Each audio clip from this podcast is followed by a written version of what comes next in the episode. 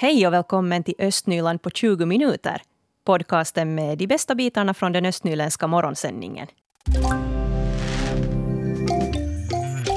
Idag firar Martaförbundet Matkulturdagen i Borgo och det ska bli fest på Kiala gård under kvällen.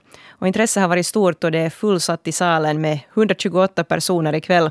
Och en av dem som är med och som också har förberett evenemanget är Gunilla Backman. Hon är ordförande för Borgosvenska Marta-distrikt. God morgon och välkommen till studion. God morgon, tack. I år är tema för matkulturdagen skogen. Varför blev det skogen som tema i år? Det måste jag ärligt sagt säga att jag kan inte svara så här direkt på, för det är ju egentligen Marta förbundet som ordnar det här. Och, och den här Martkulturdagens här huvudevenemang så cirkulerar i de olika Marta-distrikterna omkring i Svenskfinland. Men det där, den är ju mycket aktuell, skogen, mm. idag med allt klimatdiskussioner. Både med det att man kan använda därifrån massor att äta och också sköta sitt psyke i skogen. Precis. Eh, hur kommer ni att då notera det här tema skogen under själva kvällen idag? No, maten är skogsbetonad. Och, och sen kommer vi att ha Amelie Gustafsson som berättar om, om sin matfilosofi. Hon är en lokal ung jägare. Och, och, det där. och sen kommer också äh, matkulturstipendiet att delas ut åt en person som värnar om skogen och naturen överlag. Mm, och det är lite hemligt ännu det vem det är. Det är ännu, ja. och ni har också satsat på ett matkulturmagasin som heter Skogens smaker. Hurdana tips och recept bjuder ni på där? No, där, är, där är tips både när det gäller svamp och bär och, och, och övrigt som man får från skogen och också den här vikten av, av, eh, av det här med, med den här, faktiskt den här psykiska sidan. Man, man nu, nu för tiden på, man till och med skriver läkarintyg för, eller recept på att, att hur viktigt det är att gå i skogen. Att det, det är bra för hela, både kropp och själ. Mm.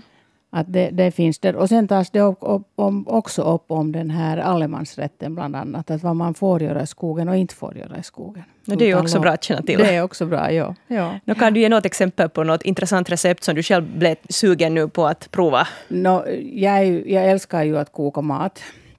Men det där bland annat en sån här som älgvallenbergare okay. finns här. Och överhuvudtaget, jag har, jag har aldrig haft möjlighet att använda så mycket vilt. Men, men jag tycker det som jag har, har ätit och gjort, så det, det är ett gott kött. Det smakar annorlunda, precis som Amelie säger, att det smakar annorlunda än det här köpta köttet.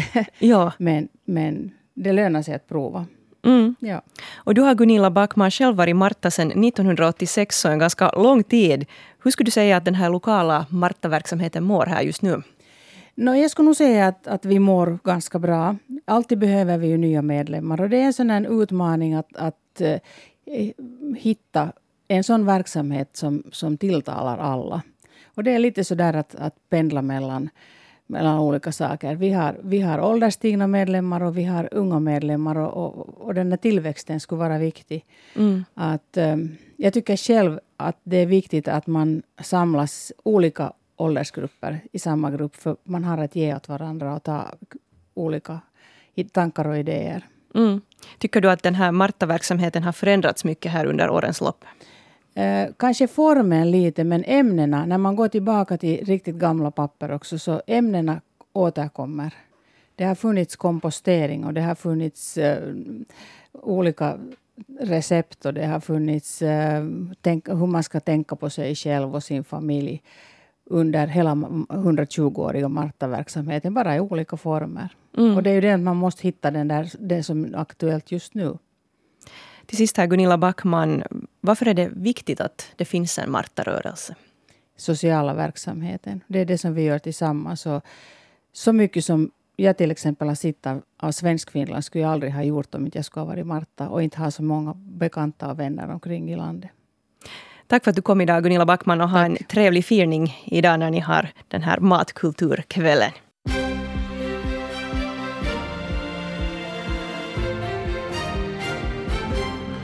Klockan är halv åtta, dags för lokala nyheter. Jag heter Stefan Härus. God morgon. 45 fler kan bli antagna till närvårdarlinjen vid yrkesinstitutet Kareria i Borgo nästa år. Det här eftersom yrkesinstitutet söker tilläggsfinansiering från undervisnings och kulturministeriet. Ministeriet har lovat finansiera sammanlagt 500 studieplatser inom social och hälsovårdsbranschen. Finansieringen finns till för att minska på vårdarbristen och Kareria hoppas kunna få mer kompetens till just äldrevården. Planen är framförallt att kunna komplettera utbildningen för personer som redan har en vårdutbildning men inget specifikt kunnande inom äldrevården. Ska skolfrågan i Österborg bli en ny utdragen process där ovisshet och år i baracker är ett faktum i väntan på beslut? Så frågar sig föräldrar till barn i Sannes skola i ett öppet brev till stadsdirektören i Borgo, Jukka-Pekka Ujula. Sannesföräldrarna hänvisar till den liknande processen i Tolkis. I brevet hänvisar föräldrarna också till att beslutsfattarna i både stadens strategi och i budgetförhandlingarna i fjol klart tagit ställning för att Östra Borgå behöver egna skolor. Brevet till stadsdirektören avslutas med uppmaningen förläng inte processen och gå inte emot beslutsfattarnas åsikt. Lovisa stad har inlett processen med att få en kaféföretagare till Societetshuset. Det som företagaren ska kunna erbjuda, förutom kafétjänster, är fest och evenemangstjänster samt lokaluthyrnings och mötestjänster året runt. Tanken är att verksamheten i Societetshuset kunde inledas så snabbt som möjligt. Med den som ger det vinnande anbudet ingår Lovisa stad ett hyresavtal på fem år plus en option på ytterligare fem år. Fortfarande pågår stadens restaurering i vissa delar av Societetshuset. Så kan vi ännu berätta att asfalteringsarbetena i Borgå fortsätter. Idag påbörjas grundförbättringen av Tolkisvägens gång och cykelväg mellan Vinnarvägen och Bofingsvägen. Arbetet tar ungefär två veckor. Den här veckan börjar också asfalteringen av sträckan Lappnäsvägen-Uddasvägen samt av Konstfabrikens Strandgata. Och vecka 42 står Övre Haikovägen i tur och vecka 43 ska Sotarevägen piffas upp. Robert Jordas i Lappträsk han har alltså prövat på att odla jordgubbar vertikalt. Och vår reporter Stefan Paavola han har nu åkt till hans växthus i Lappträsk för att kolla in hur det här egentligen går till. Stefan, hurdant väder är det i Lappträsk den här morgonen?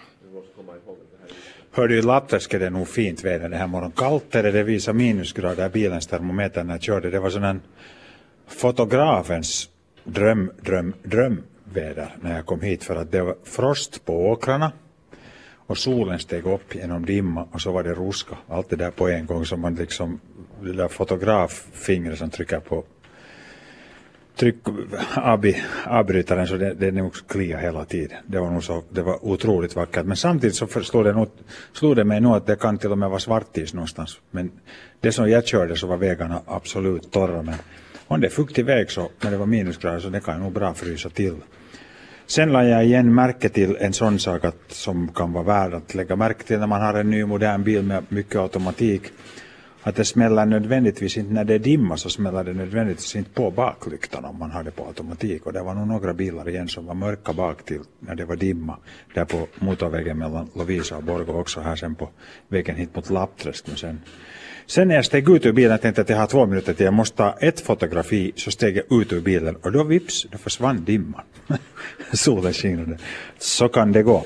Men det är ju inte det som vi ska prata om. Jag har stegat in hit till den här lilla trädgården som inte faktiskt är så liten mera, den är ju på något 15 000 kvadratmeter ungefär. Men nu är vi nog i ett ganska så litet rum här, ett litet växthus och här odlas det förutom jordgubbar lite rosmarin och sånt, men, men det här är ett slags testlaboratorium.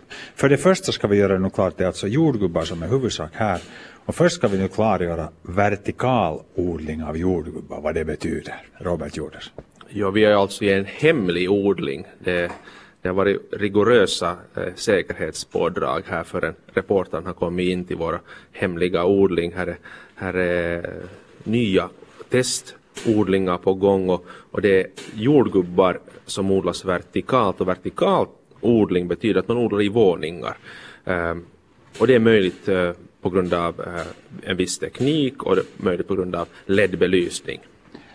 Det, där så, men då, den som, det är så hemligt att den som lyssnar på det här ska gärna inte berätta det vidare. Nej, säg inte åt någonting det som ni hör. Okej, okay. no, nu följande sen LED-belysningarna gjort det möjligt hur, hur på sätt? Varför har inte tidigare belysningstid teknik funkar? No, när man gör i, i flera våningar så, så behöver plantorna mycket ljus men äh, de, den gamla tekniken så producerar både värme och ljus och äh, LED-lamporna producerar liksom mindre äh, värme och därför kan man äh, odla tätare, man kan odla mer på ett mindre utrymme och, och då, då kan man odla i, i flera, flera våningar och, och det har många fördelar, det att man odlar i flera våningar. Man får en, en mm. större skörd på en mindre areal, man kan kontrollera klimatet och som i den här odlingen så kan vi också kontrollera eh, spektret på de här lamporna. Så vi, vi försöker lära oss och hitta oss liksom den rätta odlingsmetoden här. Så att ni försöker imitera solsken? No, delvis ja. Uh, det som vi försöker är att uh, vi vill att uh, plantorna ska få en så bra växttid som möjligt så att klimatet runt plantorna är så bra som, som, som, som det bara kan vara.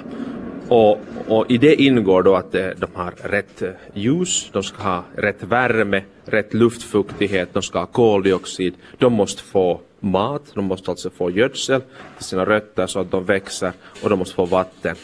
Och allt det här så kan vi styra, styra helt på mm, då, äh, växtens äh, enligt behovet av, av, av, den här växten som vi, som vi odlar här. Och, och det är det intressanta. Det intressanta egentligen är att vi vet inte vad växten behöver för tillfället. För jordgubbar är någonting helt nytt för oss. Vi ska återkomma till det och så ska vi samtidigt här medan du sätter på lite musik Katarina där i studion så ska vi gräva fram de smaskigaste och smaka sen. Oj, oj, jag blir helt avundsjuk här nu.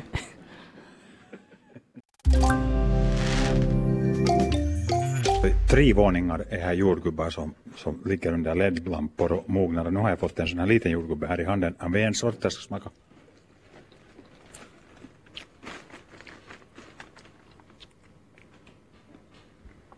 Vad ska jag nu säga? Den var fräsch i smaken. Äh, uh, den var nog riktigt god, smakfull. Kanske det, men det är så svårt att säga, det finns så många olika sorter. Det som den, nu går lite var bort men det är nog, ja, det är nog svårt mm, att säga. Mm. Man borde ha nu liksom referensjordgubben nu från Frilands. Precis det, ja. ja. Ja, Så provar vi en annan sort. Det ja. Oj, den här var bättre. Aj. Intressant. Ja, det här var lite... Vi, vi är inte det, ännu nöjda alls riktigt med, med mm. smaken. Mm. Här var kanske lite mer vatten i den här konsistensen men inte, ja. inte för mycket kanske. Ja. Den skulle passa bra ja. på tårta till ja. exempel. Vi, vi har ännu, vi, vi, vi, kommer att äh, göra testodlingar här nu ungefär i ett års tid. Och, och, och de här plantorna är sådana som, som äh, ger skörd hela tiden. Det kommer nya blommor, som du ser här, ja. så, så här nya blommor hela tiden och samtidigt som här är bär. Så, så vi ska se hur vi ändrar på gödslingen, hur vi ändrar på belysningen och, och det här är, det är ett intressant. intressant laboratorium. Det är inte så hemskt, som jag sa, stort. Var skulle ha kunnat vara kanske 30 kvadratmeter. Ungefär så. Ja. Och i tre våningar och jordgubbar. Men det där, äh, det här, tror du att det här blir en lukrativ business? Ja, det, det, det, vet jag inte. Det vet jag inte.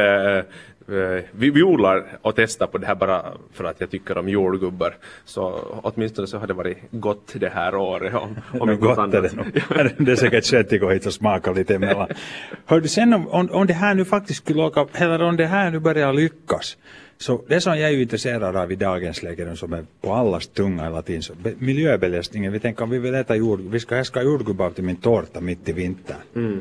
Tror du att det här blir mer ekologiskt än det att man äter en spansk jordgubbe? Det blir det nog. Det, eh, det äh, hänger ihop med det äh, hur vi producerar elen. Alltså har vi producerar el hållbart så blir det här en, en vettigare lösning än att äh, importera grönsaker och frukt från, från några andra länder. Och eh, jordgubbar är en färskvara. Det är viktigt att jordgubbarna eh, konsumeras så fort som möjligt efter att man har skördat dem. Och, och det kan hända att det, det i framtiden det enda vettiga sättet att producera jordgubbar utanför den normala säsongen. Fredrika Sundén har nu kommit med här i studion. Hon är morgonreporter idag. God morgon. God morgon, god morgon. Nu har siffrorna offentliggjorts när det gäller Kouvola bostadsmässan och hur bostadsmässan gick där. Du har tagit del av de här siffrorna. Vad kan du berätta om dem? No, finska Yle har skrivit en artikel om det här på webben och deras rubrik säger ungefär att den här besökarsiffran för Kouvola bostadsmässan var den lägsta på tio år. Ouch. Eh, de har haft eh, ungefär 114 000 besökare, lite drygt, och, och det är som sagt eh, ganska lite jämfört med de här tidigare mässorna här, som har ordnats under de senaste åren. Man har väntat sig ungefär 130 000 till 140 000 besök där, så det blev lite, lite lägre än vad man kanske hade hoppats på. Mm. Kom man fram till någon orsak då vad det kan bero på det här? No, de har nu pratat här till exempel i den här artikeln med, med projektchefen där i Kouvola och hon säger att det hade varit lite hett till exempel väder där. Mm. Och sen sa hon att alla kommer ju inte till bostadsmässan utan många tar också del av de här objekten via nätet, till exempel via bloggar och, och sociala medier och så här. Så att hon menar då att det, det kanske är en orsak till att det har sjunkit lite. Ja, och du ville ha en lokal kommentar här av Lovisas stadsdirektör Jan D. Åkerblom som du fick tag på. I Lovisa ska man ju ha bostadsmässan 2023. Hur reagerar han på de här siffrorna i Kouvola? Um, no, vi kan faktiskt höra honom berätta själv hur han, hur han kommenterar dem.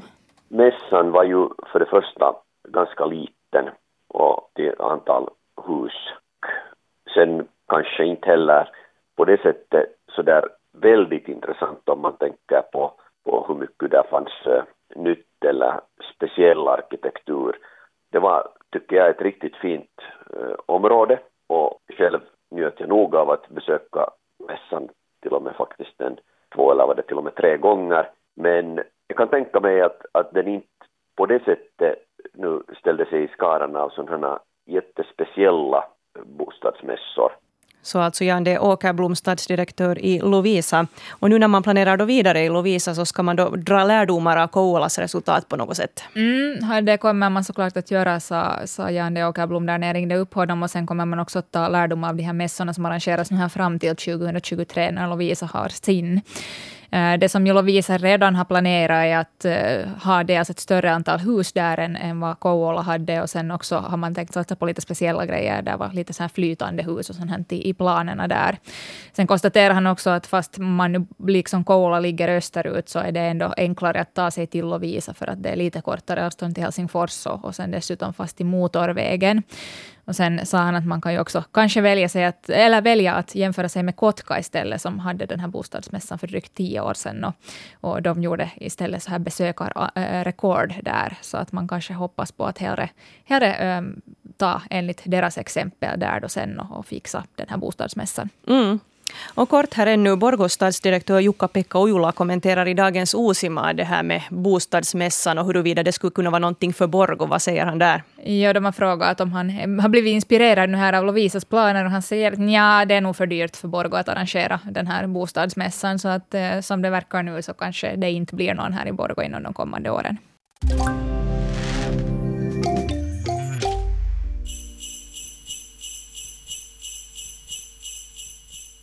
Ja, så här låter det småningom, Fredrika. Börjar du få lite julstämning redan? Nej, jag börjar nog faktiskt få det kanske lite, för att jag noterar nu här i, igår i mataffären att det har dykt upp glögg och pepparkakor där vid ingången, så att det uh. börjar nog kanske småningom vara juletider. Vad är halloween? Ja, precis. Mm. Ja, det, det, man, på något sätt, jag vet inte, den här tiden, så jag börjar liksom fundera alltid på julen så här i början av oktober. Så jag vet inte, då, då börjar liksom det komma igång så här sakta så där att mm, ska man ha julklappar i år?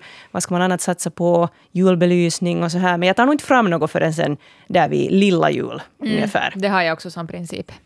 Men traditionell julöppning ska det bli för alla julälskare i Nickby Sibbo i år, efter en paus på många år. Precis, och jag vet ju att många Sibbobor i fjol till exempel var lite upprörda över att det inte skulle bli någon sån här traditionell julöppning där i Nickby. Och orsaken var ju förstås att det var så mycket arbeten på gång där, bland annat på Stora byvägen. Och i fjol så tror jag att det var så att kommunen ordnade med någon slags liten julmarknad istället på, på annat håll, men att nu så kommer den här traditionella julöppningen tillbaka till Nickby. Och den går i år av stapeln den 30 november eh, och det är mellan klockan 14 och 18. Och den här julöppningen börjar med en julparad som startar där från ungdomslokalen Unkan eh, klockan 14 och sen går den i sakta mak mot Sockengården. Och där kommer kommundirektör Mikael Grannas att, att vara och hålla någon slags öppningstal. Och mm, kommunen önskar här att alla barn som kommer dit är juligt klädda och att de åtminstone har tomteluva på huvudet. Men att man kanske får vara juligt klädd också om man är vuxen. Man behöver kanske inte vara barn för det. Eh, sen klockan 15 så bjuder kommunen på gröt åt de 250 första där framför sockengården. Och sen under hela julöppningen så bjuder kommunen på glögg och pepparkakor där vid sockengården. Och sen är det ju förstås lite julmarknad och, och sånt här annat trevligt och skojigt på gång där vid, vid eh, Stora byvägen. Östnyland på 20 minuter är en Svenska Yle-podcast. Det finns flera poddar på arenan. Jag heter Katarina Lind. Tack så mycket för sällskapet. Vi hörs.